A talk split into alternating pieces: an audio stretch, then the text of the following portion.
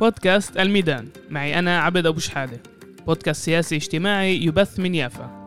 هذا البودكاست بحاول أبني نقاش وحوار في قضايا عامة مع شخصيات مختلفة بهدف رفع مستوى نقاشنا السياسي والاجتماعي في مجتمعنا. تحياتي للجميع. معكم عبد أبو شحادة. كمان حلقة ببرنامج بودكاست الميدان. وهاي المرة مع الناشط المبادر مهندس صاحب مشروع فكرة كنا وما زلنا العزيز طارق بكري. بس قبل ما نبلش طلب جدا بسيط دايما بنطلبه منكم ويا ريت تساعدونا فيه. share like subscribe على مواقع التواصل الاجتماعي جدا بيساعدنا ننشر البرامج وبدعمنا أكتر من دعم مادي. فإذا حبيتوا الحلقة يا ريت ما يا ريت ما يا ريت تتذكروا بس تساعدونا ننشر المواد للبودكاست الميدان وكمان لكل المشروع لحركة الشبيبة اليافية. طارق كيفك عزيزي؟ أهلا أهلا عبد أول شيء شكرا إنه جيت من القدس ليافا أنا الصراحة أول مرة سمعت عنك كان ب بالمواقع التواصل الاجتماعي بيافا. هذا أنا كان مجهز يعني ماخذ المحاضرة اللي أعطيتها بعمان على برتقال يافا. هلأ أنا بعدين فهمت إنه المحاضرة أطول من بس المقطع عن البرتقال. تعرف إحنا أهل يافا بننعجل لما بنسمع اسمنا برا وبنركز بس على هذا تركز على موضوع البرتقال البرتقال آه. ف بعد الفيديو تعمقت شوي أكتر بمشروعك والصراحة اللي أبسطني بمشروعك طارق إنه بالأجواء السياسية اللي إحنا موجودين فيها السياسية والاجتماعية صار لما واحد يحكي على قضية اللاجئين الفلسطينيين وكأنه آه، رومانسي وكأنه بنحكي على آه، معركة خسرانة. بينما نسينا إنه يعني من أهم رموز مش بس رموز من أهم قضايا اللي بيميزوا القضية الفلسطينية هم من اللاجئين الفلسطينيين. والموضوع مش بس إذا إذا إيش صار بال 48 ومش بس الذاكرة الجماعية للمجتمع لمجتمعنا والشعب الفلسطيني بينما إنه لا لسه لليوم في لاجئين موجودين بالمخيمات. وابسط مشروعك أبسطني إنه في محاولة نربط بين اللاجئين للواقع بين اللاجئين للجغرافيا. إيه يعني أكيد هو موضوع اللاجئين هو جوهر. أنا بالنسبة لي هو جوهر كمان القضية.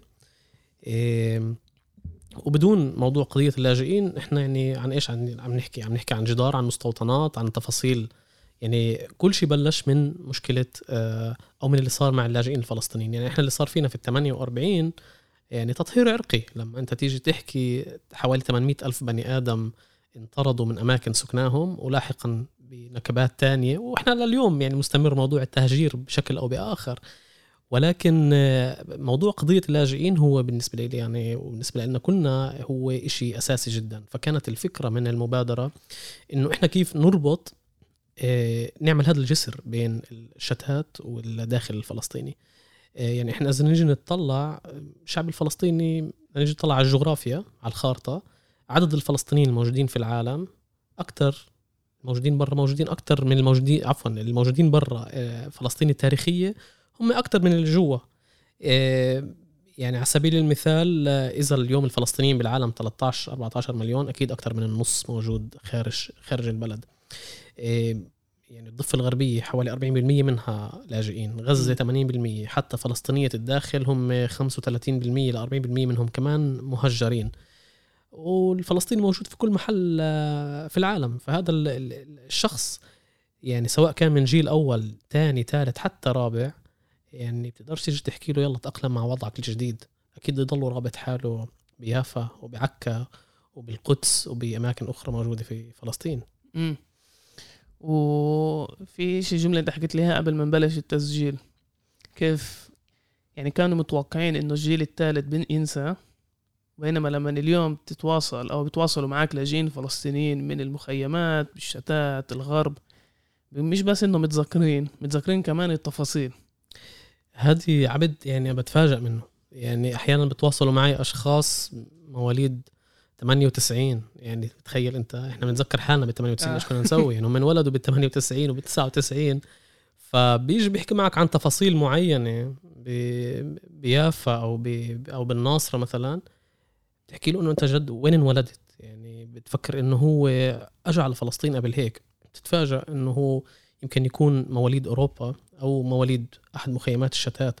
ولكن الذاكرة إحنا اللي قاعدة عم تنتقل من جيل لجيل من الجد للأب للابن للحفيد إلى آخره آه، هدول قاعدين عم بيشربوها صراحة وقاعدين عم بيحاولوا إنهم يطبقوها بطريقة أو بأخرى بس بدهم هذا الرابط بدهم كيف يوصلوا. يعني اليوم إحنا أكثر عم نركز على الموضوع البصري. يعني إذا بدنا نحكي عن كنا وما زلنا المبادرة هي يمكن صار لها اليوم حوالي تسع سنين أو هيك إشي يعني. اختلفت أشكالها. أول ما بلشت كانت يعني قرى مهجرة. وبعدين صار موضوع أكثر بصري. كيف الفلسطيني اللي بالشتات بيبعث لي صورة قبل 48 لبيته. فبروح بشوف وين البيت.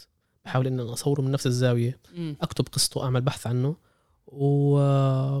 وكمان يعني تعرف إيش ذاكرة المكان. هي هاي المهمة كمان بالنسبة لنا. بعدين تطورت المبادره أكثر لقصص العودة للناس اللي بتقدر إنها تيجي على فلسطين وهذا راح نحكي لاحقا. إيش أقوى قصة طلع لك تصدفها؟ يعني اللي أنت بعد ما سمعتها قلت بينك وبين حالك يعني كيف هيك إشي بيصير؟ والله هدول القصص كتار. أنا كل مرة بتفاجئ بقصة بتجيني قصة أقوى منها. فصرت أصنفهم صرت أصنف أحكي إذا هذا الجيل الأول ولا يعني قصة لجيل تاني أو لجيل ثالث. يعني أحيانا كان في ناس تيجي على البلد لأول مرة يعني يكونوا هم جيل أول. يعني كان عمره 8 سنين لما تهجر وطلع. بس يمكن في قصة زينة عروس عكا في جزئيات معينة أوكي هي طلعت القصة وانتشرت بس في تفاصيل معينة اللي اللي ما حطيناهاش بهداك الوقت. طبعا زينة هي صبية فلسطينية آه، والدها انولد في عكا وتهجر آه، وهو طفل وراحوا على لبنان وراح على بيروت على برج البراجنة ولاحقا هو بالسبعينات طلع على كندا وعمل جنسية وزينة انولدت هناك وصار معها جنسية أجنبية فقدرت إنها تيجي على على فلسطين. طبعا في جزئية كتير مهمة بدنا نحكيها إنه يعني الغالبية العظمى من الفلسطينيين بالشتات ما بيقدروش إنهم يجوا على البلد. يعني اللي ساكن في الأردن وسوريا ولبنان يعني على جوازاتهم ما بيقدروش إنهم يجوا على البلد. فأما الناس اللي معاها جنسيات أجنبية بتيجي ولكن مش الموضوع مش سهل. يعني مش دائما بتقدر إنها تدخل. يعني في أشخاص بيوقفوهم على المطار أو على الحدود. بشوف إنه أصولك أنت فلسطينية من من اسمك بيجي بعدك كذا ساعة يمكن يدخلك ويمكن ما يدخلك.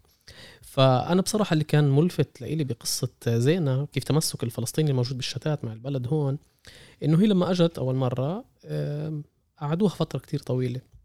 وضلتها تستنى تستنى تستنى. مرحلة معينة خلص يعني بيئسنا قلنا قلنا شكلهم مش راح يدخلوها. يمكن بعد خمس ساعات إنها قدرت إنها تدخل وكانت المفاجأة إنه لما دخلت ما صدقت حالها حكت مع أبوها في كندا قالت له بابا وأخيرا أنا دخلت هيني على آي. فلسطين أبوها تأثر صار يبكي على التليفون ومن عجقته اتصل على قرايبه في لبنان قال لهم وأخيرا زينة دخلت على فلسطين فصاروا يوزعوا بقلاوه بالمخيم ولاي فيعني شايف أنت درجة إنه بس مجرد إنه واحد حدا يوصل مم. على البلد قديش هي كمان بتعني كتير يعني صاروا يوزعوا بقلاوي المخيم إنه أول وحدة من عيلتهم الموجودة في عكا بترجع على البلد بعد يعني 71 سنة. ولاحقا كمان قدرنا إنه نجيب والدها يعني اقتنع. كتير في فلسطينيين برضه موجودين بالشتات اللي خاصة من الجيل الأول بيكون لسه في عندهم التروما تبعت النكبة. اللي هو خا يعني مش عارف كيف بده يستقبل الموضوع. يعني كيف بدي أوصل على البلد؟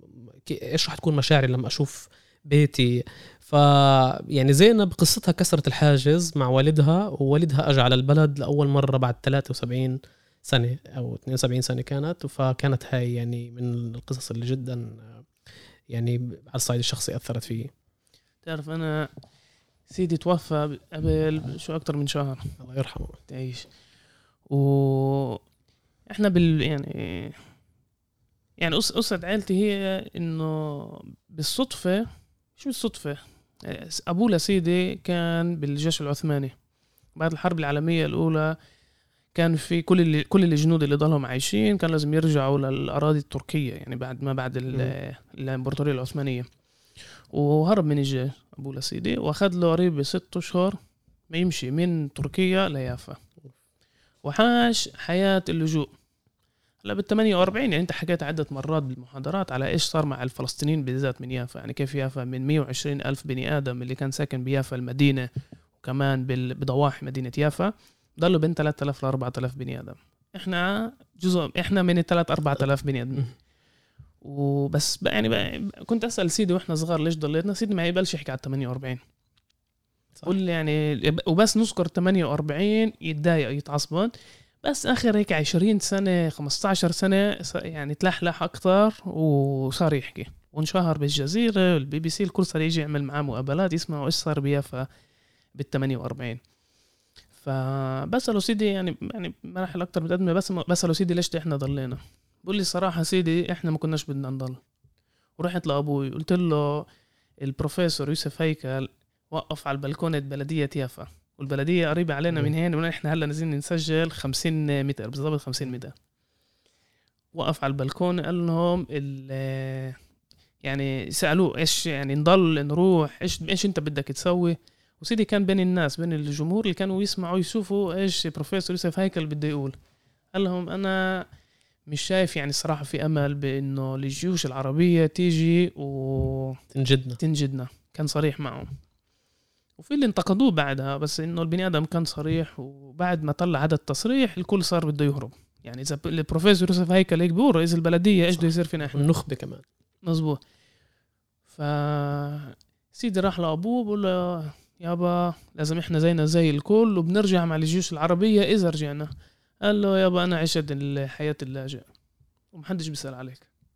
وأفضل نموت هنا على الأرض عرض- على أرضنا ولا نت ولا نتحول للاجئين إحنا بالأصل من تل الريش. تل الريش يعني هي قريبه على سكنه درويش هي بتيجي. بالضبط بعد أنا أقول درويش لك قصة على الريش آه. هلا. فضلينا وحطونا كنا بالعجمي وحولوا العجمي لقيته عجمي بس ال القصة نفسها أخذ لسيدي سنين عبين ما قبل يحكي لنا إلنا إيش صار لأحفاده. صح. إيش صار. وبتخيل قديش ما بنحكي قديش ما نحكي على 48 وقديش ما نحكي عن النكبة وإيش الناس خسرت بالنكبة. يعني ب- بقدرش يوصف ال trauma. ال trauma اللي مرقوا فيها. مظبوط. الوقت يعني عشان هيك ال- ال- اللي عم بحكي لك إياه عبد اللي أنا متفاجئ منه من الجيل الصغير. هو ما عاش ال trauma هاي. okay؟ مع إنه مرات معينة بحس إنه الجيل الأول مرق شوي من هاي ال trauma للجيل الثاني okay؟ اللي شوي لسه دائما عنده. بس الجيل الثالث والرابع إنه ما عاش هاي ال trauma وهلأ هم بعصر جديد وعصر ال social media وتكنولوجيا وكذا ف ما بتطلع على الموضوع كيف كان يطلع سيدو أكيد باخذ الأشياء هاي يعني. إيه على تل الريش أنت ذكرتها يعني بتعرف دائما الرواية ال- ال- الصهيونية اللي إنه الكبار بيموتوا والصغار بينسوا. مره بتذكر في آه، صديق آه، من دار الخالدي. هم الخالدي اصل من القدس ولكن كان في عندهم بيت وبيارة بيافا. هلأ بصراحة كنا وما زلنا كثير يعني موضوع ال social media أو وسائل التواصل الاجتماعي جدا مهمة. يعني زمان عبد كان الفلسطيني لما بده يتواصل مع بين الداخل وبين الشتات كانت على الراديو. كيف لما الواحد يحضر التغريبة الفلسطينية آه، يجي بيحكي لك مثلا أنا فلان الفلاني من أم الفحم ابعت سلامي لأهلي في مخيم الفلاني. وإذا سمعوا الراديو أو ما سمعوا الراديو بس عشان عشان إنهم يعرفوا إنهم موجودين. اليوم بسهوله جدا على مواقع التواصل الاجتماعي. إذا في قرية مهجرة مثلا أهل العباسية بيدخلوا على جروب على الفيسبوك إنه إحنا من العباسية بتعرف على خاله على عمه. آه. يعني صار موضوع جدا سهل وسريع. ف بتذكر أحمد اجى حط إنه صورة بالأسود والأبيض آه، وكتب إنه أنا بفتش على بيت وبياره سيدي بيافا. وأحمد آه، هو فلسطيني ساكن بأستراليا يعني معاه جنسيه أسترالية. فاجى على فلسطين. فأنا بصراحة اللي لفتني في قصة أحمد إنه بتعرف كيف دائما الرواية؟ الكبار بيموتوا والصغار بينسوا. هذا البني آدم قطع 13500 كيلو متر من أستراليا. لفلسطين على يافا هو بس حامل معاه صورة عشان يلاقي بيت سيدو. لقينا بيت سيدو وتصور عنده وشافه والزلمة هذا مسمي بنته يافا. مم. يعني مش إنه تفكر أنت جيل فلسطيني ثالث وبعيد بمحل تاني من الكرة الأرضية إنه هذا الشخص إنه خلص هيو بلش بحياة جديدة. لا شوف أنت شو اللي الله جابره هذا البني آدم يقطع كل هاي المسافة ومعاه صورة بالأسود والأبيض عشان يلاقي البيت بتل الريش. ف هذا الإشي كمان بعطي أمل. بالاضافه كمان ال- الموضوع مش مش بس موضوع سياسي يعني في له اطباع سياسية. بينما في كمان جانب المشاعر إحنا. كبني آدمين إنساني. وكيف كيف يعني بلاحظوا عندنا لل- لليوم بيافا؟ يعني عندنا الناس اللي مش مسيسة مش آه، بتشاركش بالنشاط السياسي والاجتماعي ولا مظاهرات ولا غيره. بيهتموا طارق كل بيت بيافا لمين بنباع واذا انباع اذا انباع بيت عربي لعرب. تمام من ناحيتها بنكون حاسين وكأنه في حرب تعرف؟ وعلينا انتصرنا بهاي المعركة. ولما بيت عربي ينباع لخواجات أجانب إيش ما كان يكون بعز عليك. ومرات الناس بقول لهم طب يعني كنت باللقب باللقب الثاني كنت أعمل interviews مع آه، مع ناس من أحياء معينة اللي بقى اللي ينباع بيت عربي ليهود أجانب أو خواجات. واسألهم يعني إيش حسيتوا؟ وليش تضايقتوا ما يقدروش يعني يعبروا عن مشاريعهم مشاعرهم بسياق سياسي. بس بيقولوا كنا نحس إنه هذا إشي غلط. إنه هذا البيت لازم يكون ملك إلنا. يعني بقول لهم مين هذا إلنا؟ بقول لنا العرب يعني لمجتمعنا. يعني لسه في في هذا الشعور بالمسؤوليه الجماعية يعني. مزبوط الوحدوي. يعني آه يعني ترى في عندنا عيلة أنا بنساهاش. زلمه وضعهم المادي جدا بسيط. جدا جدا بسيط. بيقولوا لي عبد أنا دفعوا لي 15 مليون شيكل على بيتي. بيت أرضي بالعجمي. يعني بيت 200 متر آه. بس عشان نفهم الأرقام يعني 15 مليون شيكل بتصير بني آدم غني. يعني بتقدر تشتري اكم من بيتي بيافا 15 مليون شيكل. بس بقول لي بعز علي أبيعه. لمين بدي أبيعه؟ كيف ابيعهم اياه يعني هذا البيت أخذته يعني ورثة من أبوي. يعني لو مال الدنيا ببيعوش هذا يعني بدل إنه في إشي أكثر من بس أهداف سياسية أو جانب سياسي لل... للم... للربط للربط شيتنا اليفاوي شيتنا لل... للجغرافيا للأرض للسكن. أكيد أكيد. يعني حتى كمان مثلا يعني مرات معينة ما بحبش كمان أربط فكرة العودة بمكان يعني ملموس. يعني بشيء موجود. على سبيل المثال إحنا عندنا تهجرت أكثر من 500 قرية بال 48 فيعني معظم اللاجئين اللي هم عددهم تقدر اليوم بالملايين الأشخاص آه، بيوتهم فعليا هي مسحت تم تطهيرها حرقيا. بس هو ما بيجي بربط حاله إنه آه إذا البيت موجود أو البيت مش موجود خلص أنا من من هاي المنطقة. سواء بيتي آه، ركام أو مش ركام أنا بنتمي لهذا لهذا المكان. ف يعني كمان هاي الجزئية مهمة وقلت لك يعني مرة كان في شخص فلسطيني موجود ب بسوريا ختيار وبعد ما كان معي الحفيد اللي قدر يجي على البلد ورحنا نحدد وين بيته اكتشفنا إنه البيت انهد قبل قبل سنتين. فالزلمة الختيار بالفيديو كول بيحكي بيتي انهد شو يعني إنه برجع على البلد بحط بقعد بخيمة عبين ما أرجع أعمر بيت تاني. وانزلوا فرجوني البحر أنا اشتقت أشوف طبرية.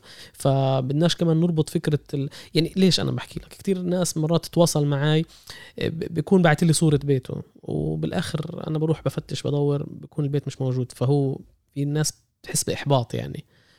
بس بدك تكون فاهم إنه هذا الموضوع إحنا هون تحت احتلال وصار في تطهير عرقي فالبيت يمكن يكون موجود يمكن يكون مش موجود. يعني زي أنت بتعرف المبادرة هي مبنية على إنه يعني كيف بلشت إنه الناس تبعت صور قبل ال 48 بالأسود والأبيض وأروح ألاقي البيت. بس يعني أحيانا بتكون في بيوت آه، مش موجودة. بجوز المقصد مش بيت بمعنى بس البيت السكن نفسه اللي بدنا نسكن فيه. في في مقال لبروفيسور أمر جمال اللي بيحكي إيش معنات البيت باللغة العربية. وبقول البيت هذا بس يعني مش بس المحل اللي إحنا بنسكن فيه بينما هذا المحل اللي إحنا مفروض ننتهي فيه يعني نموت فيه. مش بس يعني إنه الدفنة نفسها بس خلص إحنا هين لازم نكون موجودين. ولما بترجم الكلمة للإنجليزي للعبري فيش عندها نفس المعنى. وهذا بيرتبط كمان كيف اللغة بتأثر على ربطنا مع المكان. يعني كلمة تانية جدا مهمة موضوع الحق. يعني كلمة حق باللغة العربية هي مش بس آه، زي رايتس بالإنجليزي. يعني مش بس إشي يعني قانون بيتعلق بالقانون. كلمة حق هاي يعني واحد من أسماء الله يعني عبد الحق. ولما إحنا بنقول حق العودة المقصد مش بس هذا قانون إنه بدكم تسمحوا لنا نرجع ولا لا في حاجز ولا فيش حاجز. لا يعني هذا حق الله يعني إنه إحنا بيطلع لنا نعيش على نعيش ونموت على أرض اجدادنا يعني في شيء إضافي في شيء إضافي كمان يعني بغض النظر تعرف المجتمع اليهود الإسرائيلي بالنسبة لهم كل شيء أرقام تتعلق بالسياسة. يعني بيتعلق آه okay هلأ بدهم يصيروا أغلبية دول الفلسطينيين و وبدهم يطرونا من هنا. بتغير الديموغرافيا. بتغير الديموغرافيا. كل شيء تعرفوا بيعدوا كل شيء بيعدوا كم من ولد عربي في مدينة يافا بيسجل بالروضات وقديش منهم بيسجلوا بالروضات العربية وقديش منهم بينقلوا على الدور. إيه كل شيء بيعدوا. وكأنه ال- الحياة هي بس أرقام يعني في وموقفي تجاههم إنه الموضوع مش بس أرقام. في شيء كثير أعمق من الأرقام. في شيء بالنسبة يعني أول شيء كمان مين قال يعني كل الفلسطينيين اللي بدهم يرجعوا كلنا رح نصوت يعني رح نتنظم بنفس الحزب. ممكن يكون كم من حزب. يعني مش شرط يعني الدنيا بتشتغلش بهاي الطريقة. وال- وبالعكس وكمان يعني في تعددية بالمجتمع الفلسطيني ومش بس والنقاش مش بس على قانون نظام سياسي بدنا نعيش فيه. إنه فين حق الله وإنه كل يعني إنه الشعب الفلسطيني حق العودة هذا مش إشي إنه اللي بس عشان النظام السياسي كيف بدنا إياه يكون أو عاجبكم ولا مش عاجبكم. إنه الناس يعني حقها ترجع على ال- على على البيوت. يعني أنت قبل أي شيء بتطلع كمان على الموضوع من ناحية حقوقية وإنسانية. بغض النظر عن السياسة. يعني آه، باي حق في العالم إنه حدا طلع من بيته قسرا وللأسف إنه كمان طلعت قرارات دولية اللي هي بتطالب بإنه يرجع هذا المهجر إلى مكانه آه، و أو يعوض. ولكن في عندك ناس اللي هم فوق القانون الدولي اللي مش ممكن إنه تصير هاي هاي الأشياء. يعني حتى نفسها الأمم المتحدة بعد قرار آه، آه، واحد واحد تسعة أربعة تبع تبع اللاجئين. آه، شكلوا لجنة اسمها لجنة التوفيق اللي صاروا يعملوا إحصاء لأملاك الفلسطينيين. و- و- واشتغلت هاي اللجنة لحد 1966 وتم إحصاء أكثر من 540 ألف قطعة أرض. آه، وجابوا الطابو العثماني تبعها والطابو ال- البريطاني. آه، وهي النسخ موجودة موجودة تبعت إنه حقوق الناس بس بالآخر أنت آه، إيش بده يصير يعني آه، لما أنت حدا يجي يحكي لك أنا عمي هاي الأرض لإلي وهذا البيت لإلي وهي كل الأوراق الثبوتيه تثبت هذا البيت لإلي وفي قانون دولي مفروض إنه هو قاعد عم بيأذرني ولكن آه، في ناس مم. فوق القانون الدولي يعني عشان هيك أنت بتحس بمرحلة معينة okay إحباط إذا إحنا مش قادرين إنه نسوي كل هاي الشغلات على الأقل إحنا بدنا نوثق بدنا آه، نضلنا نحكي قصتنا بدنا نضلنا نحكي ال narrative تبعنا. لو إيش ما كان يعني هذا هو أضعف الإيمان وهذا اللي قاعد عم بيصير من خلال كنا وما زلنا. إنك أنت قاعد بتضلك بتحط ال narrative تبعنا هاي القصة تبعتنا. إيه okay هذا البيت اليوم بنك بس أو يعني هاي هذا المبنى اليوم بنك بس هذا كان بيت فلان الفلاني اللي هو اليوم موجود في في الدولة الفلانية. أحفاده اسمهم كذا وكذا وهي صور العائلة وهم أمام المنزل. هذا أضعف شيء قاعدين إحنا بنقدر نسويه بظل آه، هذا الظلم اللي واقع علينا جميعا سواء بالداخل أو بالخارج أو في كل في كل محل. مم. تعرف بال بالمحاضرة اللي كانت لك ب... بعمان ذكرت كمان على الجنود ال... الأردنيين اللي كشفت قبورهم بمنطقة اللاترون حد يالو إيه، و... باعتقادي إحنا كمان مقصرين بفهمنا قديش القضية الفلسطينية طلبت اهتمام من العالم العربي وشهداء من العالم العربي. يعني هذا من المحاضرة من أكثر أشياء تأثرت منها إنه ن- ناس يعني من الأردن يعني طبعا يعني إحنا أبناء أمة واحدة أه يعني قدمت شهداء لل... للقضية. يعني بتعرف أنا كان اللي لفتني بالموضوع كمان عبد إيه، أول شيء إحنا لازم نطلع على قضية فلسطين مش يعني هي قضية أممية عربية أو قضية إنسانية عادلة يعني بغض النظر يعني. المفروض حتى اللي ساكن بأمريكا الجنوبية لازم إنه يناصر حقوقك لأنه هي قضية عادلة ولكن بالسياق التاريخي بهذاك الوقت إنه ال- بالنسبة للناس اللي اللي ضحوا سواء العرب هلأ بدناش ننسى إنه كمان بهذاك الوقت كان آه، الجيش العربي الأردني كانت قيادته بريطانية وكانوا هم محدودين بأوامر معينة وكل البطولات اللي هم حققوها كانت بعد عصيان أوامر معينة من جلوب باشا ومن آه، القيادات البريطانية اللي كانت مسيطرة على الجيش بهذاك الوقت. آه، يعني بفترة آه، 48 يعني من شهر 5 1948 لشهر 4 1949 حوالي 364 جندي أردني نظامي استشهدوا في البلد عندنا. بس كمان في شغلة تانية إنه كان في كمان متطوعين اللي هم أجوا إذا ناخذ الأردن تحديدا في متطوعين أجوا من الأردن كمان آه، يعني دافعوا هون بيقاتلوا بفلسطين واستشهد منهم 99 شخص. وهدول معظمهم يعني مش معروف أسمائهم ولا أماكن آه، دفنهم. بس يعني اللي كان مهم بقصة الجنود الأردنيين اللي لقيتهم بأحراش عمواس عن طريق الصدفة أنا كنت رايح أوثق قرية فلسطينية مهجرة وبالصدفة إنه لقيت شواهد القبور واكتشفنا لاحقا إنه هدول جنود أردنيين استشهدوا سنة 48 وكانوا بعداد المفقودين من ذلك الوقت يعني أنا لقيتهم بعد 65 سنة. هلأ الفكرة إنه هدول الشواهد موجودين أكيد يمكن غيري كان مارق وشافهم بهذاك الوقت بس ما فيش حدا كان عنده الفضول إنه بده يفرجي أهاليهم منظر شاهد القبر اليوم. يعني أنا هذا اللي صار معي. أنا أوكي تعلمت بالأردن وبعرف أسامي العشائر الأردنية. فلما شفت شواهد القبور إنه آه هذا الجندي هذا من الكرك هذا من الطفيلة هذا من إربد هذا من جرش تمام. بس ال- ال- الإشي اللي دفعني اللي هو الربط الإنساني مع الموضوع. قلت بدي أصور شواهد قبور أخلي قرايبهم اليوم بعد 65 سنة يشوف كيف صار قبر سيده أو أخو جده يعني. بس كان فاكتشفت إنه هدول آه، كانوا بعداد المفقودين ف وكمان اللي كان مهم بهاي القصة إنه لاحقا بعد ما يعني انكشف الموضوع وكنت في الطفيلة عند أحد العشائر اللي كان ابنهم يعني قبر موجود عندنا. علي حسن العران وهذا كان عريس 18 سنة بده يتزوج. فقال لأبوه بال 48 يابا بدي اتزوج حكى له بترجع من حرب فلسطين ومن زوجك. فاختفت آثاره تماما. و في ناس حكوا إنه كان بعداد المفقودين اعدم في مكان آخر. يعني كانت قصته مجهولة. قلت لهم بالآخر هاي قبر ابنكم موجود بالمنطقة الفلانية بفلسطين. فأجوا الصحفيين عليهم قالوا لهم يعني هي ابنكم مدفون هون هل بتطالبوا بنقل رفاته من فلسطين للأردن بعد ما عرفتوا وين؟ فشيخ العشيرة حكى لهم يعني لا. إحنا ما فيش عندنا فرق بين الأردن وفلسطين ابننا مدفون بأرض عربية وبضل مدفون هناك. ورفضت كل العائلات تبعت الجنود إنه يتم نقل رفات أبنائهم من فلسطين إلى الأردن. بقول لك يعني إحنا فيش عندنا فرق. هاي أرض عربية إحنا بضل مدفون هون. فهذا كان موقف مشرف جدا يعني. طيب وايش لوين بتفكر المشروع رايح؟ كنا وما زلنا. وهل بتفكر إنه في مجال كمان يتحول لمطالب عينية؟ يعني مشاريع للاجئين أو بديش بديش أقول إن نطالب من السلطة تعمل إشي بالنسبة يعني بديش أفوت هذا يعني هذا الم... هذا المج... هاي يعني هذا السياق. بس هل كنت بتشوف إنه والله هذا المشروع كمان خمس سنين ست سنين بنشوف أكتر مثلا شباب وصبايا جيل ثالث ورابع فلسطينيين اللي عايشين بدول أوروبية وأمريكانية اللي يجوا يزوروا آه، آه، فلسطين. يعني وبالأخص بالداخل.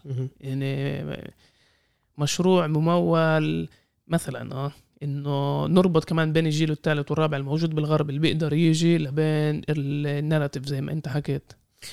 عبد أنا بآمن إنه أحيانا الجهود لما تكون بشكل مبادرات بتحقق نجاح أكثر وأعمق من ما إنه تكبر وتتمأسس بطريقة معينة أو يصير تتسيس بطريقة أو بأخرى. م. يعني كنا وما زلنا من ما بلشت هي بلشت بفكرة وكنت كانت مبادرة فردية وبنعملها حسابنا الخاص تماما نرفض يعني أي تمويل مشروط.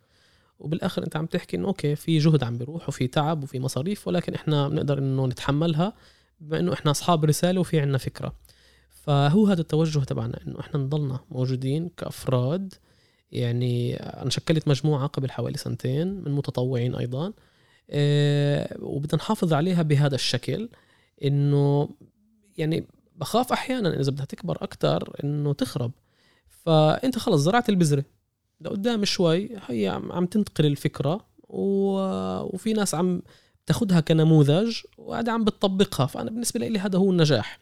هلأ لوين رايحة؟ لوين رايحة؟ إنه okay أنا في عندي فريق عم نتدرب كلياتنا سوا وعم بدربهم كمان على أساليب التوثيق واساليب البحث يعني. وأحسب حسابك لازم نجيب الفريق عندك على يافا عشان نيجي معك جولة عبيد. أوكي إيه بدك تقوي هذا الفريق اللي هو يصير بمرحلة معينة قادر كمان إنه هو يطبق المبادرة بالشكل الجيد إيه، يعني بالآخر أنا قعدت ست سنين أعمل كل إشي لحالي وكنت شو متنح يعني. راسي يابس إني لا أنا بدي أضلني لحالي ما بديش أعمل أي شيء عشان تعرف كيف مرات الواحد بكبر راسه بقول لك آه، أنا بس بعتمد على حالي ما ما بتزبط الشغلة إلا إذا أنا حطيت كل آه، طاقتي فيها وما بديش أشتت ال- الجهد وتقعد تستنى من فلان ومن علان. لا لا لا خلص أنا باخذ الشغلة من من من اي تو زد وكنت بسويها. بس بالآخر قلت ال- ال- المبادرة بما انها ناجحه وقاعده عم بتشق طريقها بهذا الشكل إنه أقل ما فيها آه، إنها تتمأسس لفريق. يعني يكون في أشخاص ياخذوا كمان آه، هذا الشغف وهاي الطاقة وهم يكملوا عليها. طبعا إحنا راح نضلنا نوثق طول ما إنه في حقوق مسلوبة وطول ما إنه في عندنا قرى مهجرة وطول ما إنه آه، يعني آه، الاحتلال يوم عن يوم قاعد عم بطمس وبغير المعالم فأكيد آه، التوثيق راح يضله مستمر. هلأ إيه كمان يمكن محل معين إنه المبادرة بعثت رسالة ل... لأي واحد بتمكن إنه يجي على البلد إنه آه إذا أنا بقى في إمكانية ان أنا أجي ليش ليش ما أجيش أشوف من وين أنا أجي من وين أصلي؟ وين وين بيت سيدي بيافا؟ ليش إنه بدي اضلني أنا خايف أو في عندي هاي التروما اللي نقلوا لي إياها. لا تعال تعال على البلد. يعني يعني بدناش نروح لمواضيع هلأ ال ال اللي هي المواضيع الحساسة تبعت التطبيع وإلى آخره. بس أنا بشكل شخصي وبعد تجربة بمبادرة كنا وما زلنا يعني صدقا أنا مع إنه أي فلسطيني أصوله فلسطينية بيقدر إنه يجي على البلد بأي طريقة بفيزا بتصريح بأي وسيلة إنه تعال شوف أنت هاي بلدك أنت لك الحق فيها. هلأ أنا مش مع إنه العربي يجي على على فلسطين يعني أنت مش راح تيجي تدعم صمودي إذا رحت صليت ركعتين بمسجد الأقصى أو ضويت شمعة في كنيسة القيامة يعني. لا أنا مش مع إنه لا أما أنت أصلك فلسطيني تعال تعال على تعال على البلد. وتعال شوف من وين أنت. تعال إيه تواصل مع محيطك الطبيعي إيه اللي, اللي أنت منه اللي أنت بس يعني قبل سبعين سنة يعني انت انت من هون يعني مش انت مش جاي على رواية قبل 3 4000 سنة يعني. أنا أنا موافق معك 100% وبتعرفش قديش ببسطنا إحنا لما وبالذات بالمواقع التواصل الاجتماعي المحلية والمواقع الاجت... الأخبارية المحلية. قديش يعني مثلا حدا من اصله من يافا وبتوفى بعمان بنشر الخبر عنا إنه فلان وفلان ابن مدينة يافا توفى بالمخيم مخيم بلاطة مثلا أو بال أو بمخيم اليرموك أو أو بالأردن مخيمات الأردن. و لما يعني لما الواحد لازم يشوف إيش العائلات بتحس. لما بيجي ابن ابن عم الوالد اللي كانوا عايشين بلبنان بعدين نقلوا على ألمانيا وطلع الفيزا وإجا وكأنه إيش يعني واحد من الأولاد اللي كانوا مفقودين يرجع على بيته. فعلا هذا اللي بيصير هذا اللي بيصير. أنت بتشوف شغلات يعني إشي شيء بالرأس. يعني تفهم لما عبد لما حدا يجي يحكي معك يقول لك أنا انولدت في مخيم في لبنان أو في سوريا و... ويطلع على أوروبا بس هدف في ناس عندها هدف إنها بدها تحقق عودة لو فردية. يعني إذا إحنا على المستوى السياسي كفلسطينيين مش قادرين نحقق عودة جمعية وجماعية للفلسطينيين بسبب الضعف اللي موجود عندنا في أشخاص بيجي بقول لك أنا هذا قرار شخصي إلي أنا بدي أفكر أنا بطريقة إني أزور أرجع. في في ناس بتيجي بتقول لك يا عمي أنا أوكي هلأ معي جنسية أجرب أجي على البلد هون ألاقي شغل. بدي أقول لك يا عمي بتزوج بدي أي شيء بس إني أنا بدي أكون بدي أحقق عودة فردية على على أقل ما فيها يعني. إيه الناس بتيجي بتتواصل بتيجي بقول لك بكون بعد اليوم اللي بدها تطلع له فيه الجنسية الأجنبية مع إنه زي ما حكينا بالأول إنه مش بالضرورة إنه أنت تقدر إنك تدخل على تدخل على البلد. ف الناس متعطشة متشوقة بدها تشوف كل الأشياء اللي بتشوفها على التلفزيون بتشوفها على ال social media اللي بتكون الواحد تربى طول حياته على القصص من سته. ما هو في ناس بتيجي عمالها بتكون حافظة اسم الشارع وبحكي لي إحنا كنا ساكنين في الشارع الفلاني أسامي جيراننا واحد بيرسم لك خريطة وهو عمره بالعشرينات بيجي بيرسم لك خريطة لكل الشارع ووين كل واحد صفى اليوم. فهدول الناس مش لازم ينحرموا من هذا الحق إني إذا في ناس بتدعي إنه لا ما تجوش وما تجوش على البلد وهي تحت احتلال لا يا عمي أنت إذا فلسطيني تعال أهلا وسهلا. يعني في هون ناس عم تستناك. و تعرف بنهاية المطاف ال... يعني الطريقة اللي إحنا بنشوف فيها الواقع كأبناء البلد يعني يعني الشاب المجتمع العربي الفلسطيني اللي اليوم عايش بيافا.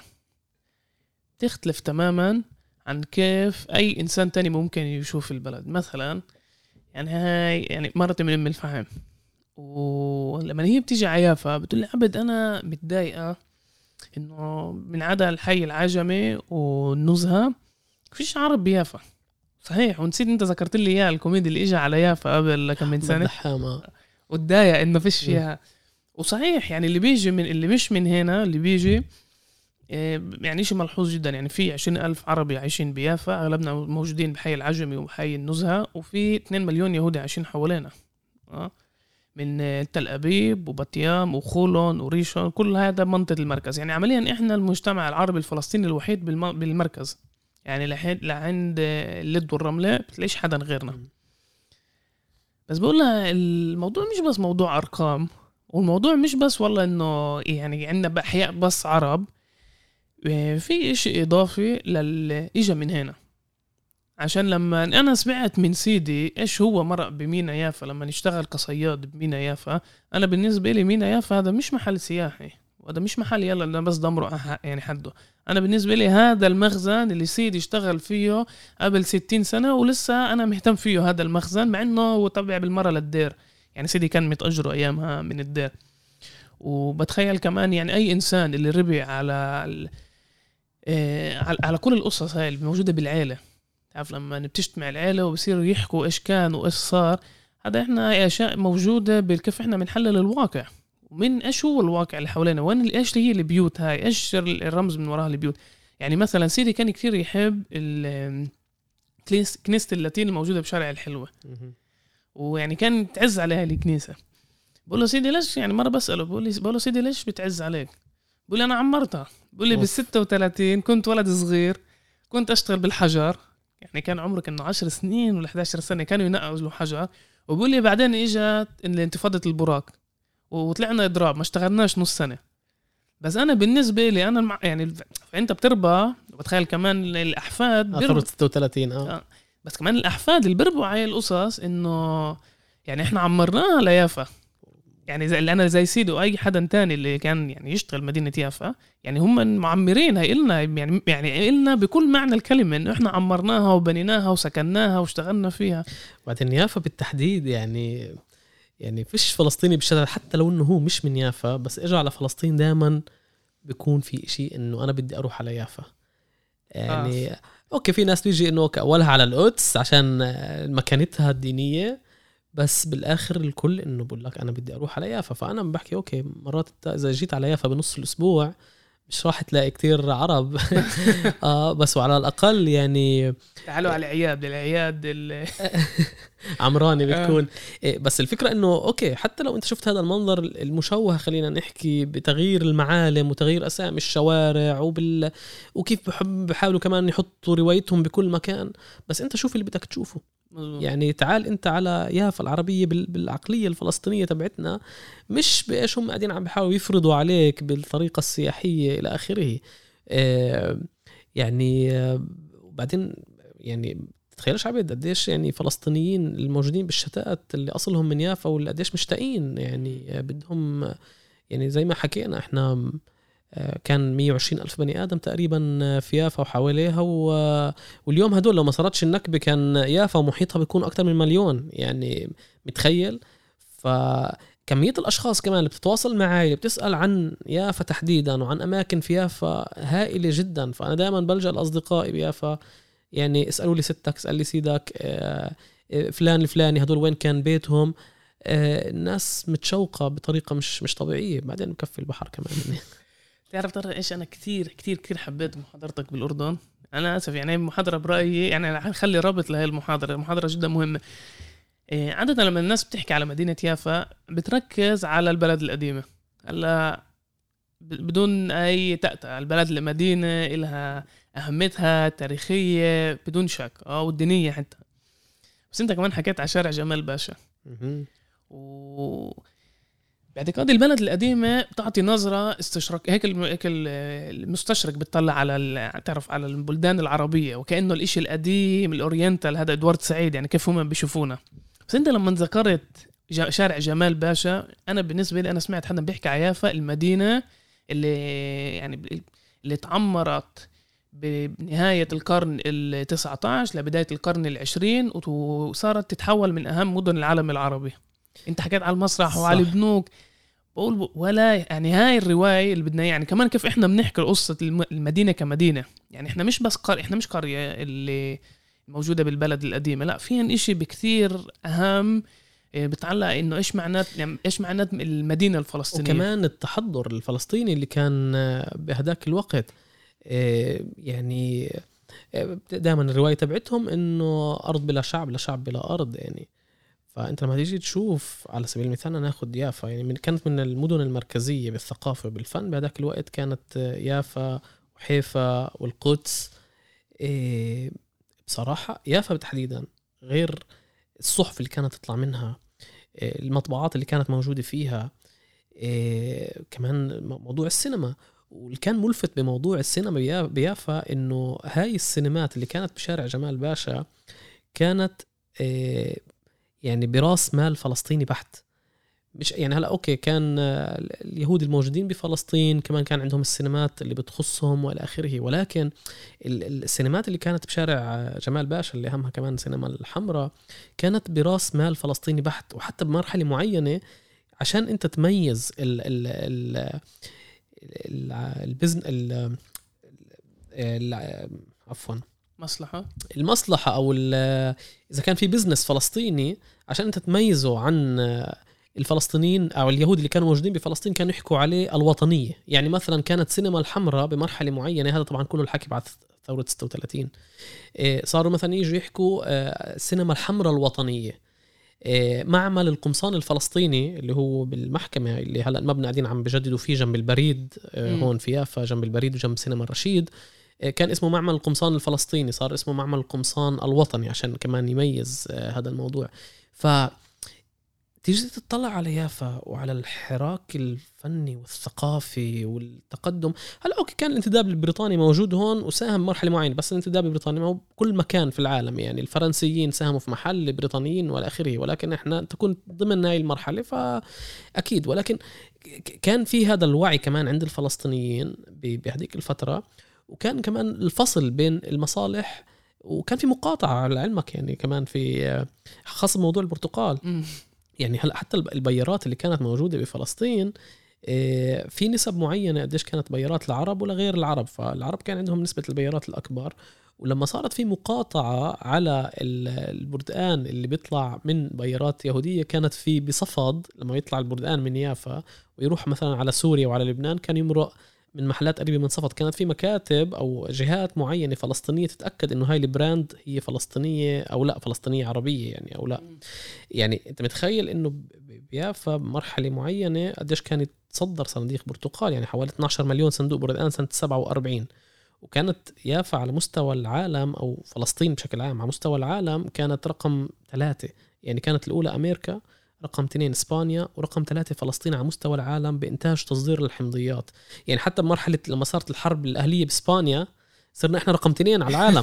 فاهم أنت كيف؟ رقم اثنين على كل العالم منها المساحة الجغرافية البسيطة إنه كانت تصدر هو طبعا تعرف كان مشهور البردان الشموطي يعني بهذاك الوقت.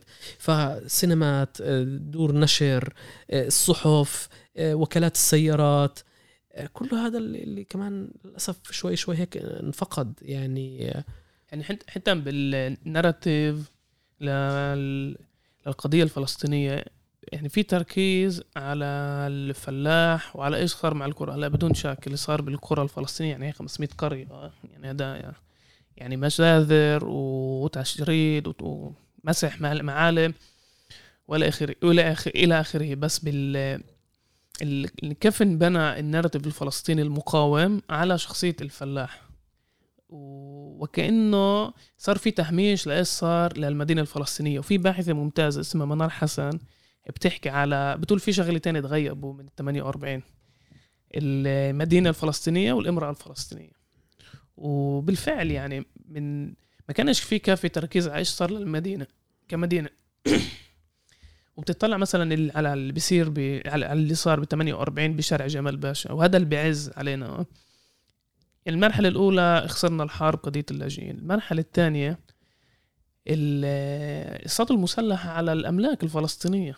يعني كمان البيوت وكمان الأملاك الخاصة. بس كمان كل السينمات اللي ذكرتها بشارع جمال باشا لليوم موجودة وكلها تحولت لسينما أو مراكز ثقافية يهودية. وإذا بال 48 مثلا السينما الحمراء كان يعني ملك فلسطيني ب 49 كان شغال ملك يهودي. صح. يعني سرقوا المدينة زي ما هي وشغلوها. حافظوا ضلوا اسمها لفترة معينة كمان آه. نفس الاسم. بعدين تغيرت آه، آه، أشكالها. يعني حتى السينمات في سينما بالقدس آه، سينما ريكس هاي السينما ضلهم شغلينها زي ما هي. يعني خلص إنه okay راحوا هدول الناس أجوا ناس تانيين محلهم ضلهم يعرضوا بنفس الصالة بنفس كل إشي بعدين غيروا اسمها لسينما ستوديو وبعدين خلص بطلت سينما. يعني في أشياء كمان أخذوهم يعني على البارد المستريح كيف بنحكي يعني. آه فاه هاي جزئية كتير آه، موضوع المدينة الفلسطينية واللي صار بقى كمان بعد النكبة إنه كيف هاي المدن الفلسطينية كلها تقطعت يعني انت لما صارت حيفا لحال يافا لحال هلا كم من فلسطيني اللي ضلوا فيها. زمان كانت المدن يعني كانت يعني كل القرى اللي حواليها مربوطة في هاي المدينة. يعني تيجي ناخذ يافا على سبيل المثال لما تيجي تحكي أنت عن السافرية عن بيت دجن عن العباسية عن كفر عانة هاي القرى الكبيرة كانت كلياتها كأنه يافا هي المدينة بتشع نحو الأطراف. فالأطراف كلها بتروح للمدينة. فتفرغت القرى وتهجرت القرى والمدينة نفسها صار فيها تطهير عرقي. بالآخر انت فقدت فكرة المدينة الفلسطينية. المدنية الفلسطينية كمان هون اختفت. طارق في مجموعة من اللاجئين اللي دايما بالبال ونشيطين وبس بإيش بتلاقيهم زي ماخدين زاوية لحالهم. هم اللاجئين الفلسطينيين الموجودين بالغرب. بالذات الناشطين والناشطات طبعا بالجامعات. وبتشوف بيعملوا نشاط رائع جدا يعني. وفي عندهم كان يعني في عدة باحثين وباحثات اللي طلعوا من هناك وصاروا يعني زي يعني إدوارد سعيد وغيره. واليوم اللي بت وكأنه بتكمل إدوارد سعيد نور عريقات البرائي بتعمل شغل أكاديمي رائع جدا. بس بتشوفش كمان الربط بين اللاجئين الموجودين بأمريكا لبين إيش بصير بارض الواقع. و هل هل بتشوف إنه مشروعك ممكن يكون زي حلقة وصل بين اللاجئين الموجودين بالغرب لبين الموجودين هنا لبين يعني المجتمع الفلسطيني بالداخل وبال 67 هلا يعني كتير مهم إنه إحنا كمان نتعامل مع قضايا معينة بالطريقة البحثية الأكاديمية يعني ولكن إنه كمان مرحلة معينة لازم يصير في هذا التشبيك آه، بين الداخل والخارج بأساليب شوي مختلفة. يعني راح السؤال كمان مرة. على العلاقة بين الفلسطينيين الموجود بين الفلسطينيين الموجودين على أراضي عربية يعني الموجودين هنا الموجودين بلبنان سوريا عمان والرواية اللاجئين لبين الفلسطينيين الجيل الثالث والرابع الموجودين بالغرب. يعني بالأخص بأمريكا بس مش بس بأمريكا اللي بتلاقيهم ناشطين بالجامعات. عندهم حركات طلابية بنشطوا بيعملوا نشاطات ممتازة. آه، بقودوا اليوم آه، معارك ضد الجماعات اللي بتحاول تهمش القضية الفلسطينية. بس بتشوف إنه في مجال يعني في إمكانية عن طريق يعني كنا وما زلنا الربط بين الجيل الثالث والرابع الموجودين بالغرب لبين إيش بيصير اليوم بالأرض الواقع.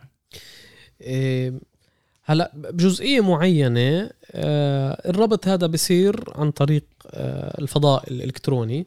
بينفع إنه الواحد إنه هلا إحنا عندنا مجالات كتير مفتوحة إنه الواحد يقدر إنه يوصل ويعرف وصارت أساليب المعرفة كتير أسهل من من أول يعني.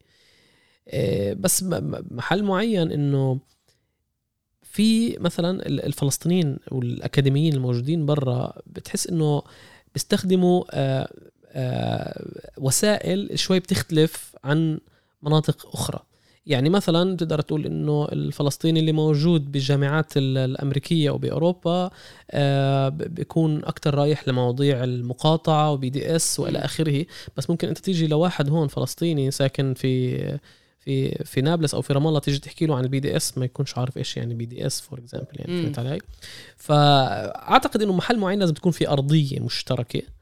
أرضية مشتركة نكون إحنا كلنا على صفحة واحدة بالآليات اللي لازم إنها تتبع عشان أنت تعرف كيف إنك تبني عليها. فأكيد يعني محل معين الأكاديميين هدول موجودين برا أنا أعتقد إنهم لا هم جزء كثير كبير منهم بتواصل مع مع الداخل ولكن هم كمان بيكونوا بتواصل مع آه، الأشخاص اللي آه، بيكونوا معهم على نفس الصفحة بأساليب التفكير وبأساليب يعني إذا ما بينفع إنه مثلا تيجي تحكي إنه فلسطيني موجود في بمخيم بلبنان راح يجي يفكر بطريقة العودة أو بأساليب كيف أنا بدي أنا أقاوم الإشي اللي أنا موجود فيه والواقع اللي أنا موجود فيه مع واحد فلسطيني نشأ بظروف أخرى آه، موجود بدولة اسكندنافية. فعشان هيك هي الطرق شوي مختلفة ولكن الإشي مش مش مش معقد ومش مستحيل يعني. يعني كمان سؤال يعني هل بتشوف في فرق بين الم... بين اللاجئين الموجودين بالبلدان العربية؟ يعني أنا هيك يعني هذا من نوع الأسئلة اللي بسألها وبستحي إنه بسألها إنه على كمية الجهل الموجود عندنا على إيش بيصير اليوم مع اللاجئين؟ بالأخص بسوريا بعد الحرب الأهلية الموجودة هناك وبالأخص على المرأة بالمخيم اليرموك. هلا طبعا اللاجئ الفلسطيني حسب أماكن وجوده. يعني آه، وكمان بعد ما ضعفت منظمة التحرير وضعف كل شيء كمان هون صار في أدوار أخرى يعني لكيف إنه الواحد بيطلع على القضية سواء بمكان وجوده. بس أنت إذا بدك تيجي تقارن مثلا آه، يعني الفلسطيني اللي موجود في لبنان أعتقد إنه هو أسوأ آه، وضع أكيد يعني هذا شيء معروف يعني. أسوأ من سوريا؟ طبعا. يعني يعني الفلسطيني اللي كان موجود آه، في سوريا آه، أو الموجود آه، كمان موجود في سوريا ما فيش عليه هذا الظلم الواقع من الدول اللي هو قاعد فيها. خلينا نحكي لفترة زمنية معينة بغض النظر عن الحرب اللي قاعدة عم بتصير في سوريا وإيش عم بتعرض له كمان الفلسطيني. ولكن تاريخيا يعني الفلسطيني في لبنان ممنوع إنه يشتغل بده يدخل على يطلع على المخيم في مخيمات معينة بيكون في عليها حواجز. زي عين الحلوة زي بالجنوب بالرشيدية وب آه، برج الشمالي. آه، بتحس إنه الفلسطيني بلبنان مقهور أكثر وطبعا هاي في لها أسبابها وبعد الحرب الأهلية وإيش صار والفلسطيني ومنظمة التحرير والى اخره ولكن الفلسطيني السوري يعني أنا بصراحة كمان بتفاجئ من شغله إنه لسه في النفس القومي كمان بيكون عند الفلسطينيين اللي بسوريا. يعني أنت لما تيجي يعرف عن حاله مثلا الفلسطيني اللي في لبنان بيجي بيقول لك أنا فلسطيني من مخيم آه عين الحلوة أو من مخيم مار الياس. okay؟ الفلسطيني بسوريا بيجي بعرف حاله أنا فلسطيني سوري من اليرموك أو فلسطيني سوري من من حمص. فلسه في عنده هذا النفس لأنه كمان فلسطيني بسوريا كان يعني عايش بظروف شوي آه، يعني كانت أفضل من الفلسطيني اللي موجود في في لبنان. فهي بتختلف. وكمان عندك الفلسطيني الموجود في الأردن معاه كمان جنسية أردنية يعتبر كمان هو كمواطن ولكن هو أصله فلسطيني ومتمسك كمان بحق العودة. في جزئية معهم مش جنسيات ولكن الغالبيه العظمى من الفلسطينيين الموجودين في الأردن معهم آه، جنسيات أردنية ويعتبروا كمواطنين. فهي هي بتختلف. تختلف من منطقة إلى إلى أخرى حسب حسب الجغرافيا. واليوم كمان بدنا نعرف إنه الفلسطيني بطل موجود بس بهدول الدول اللي هي دول الطوق.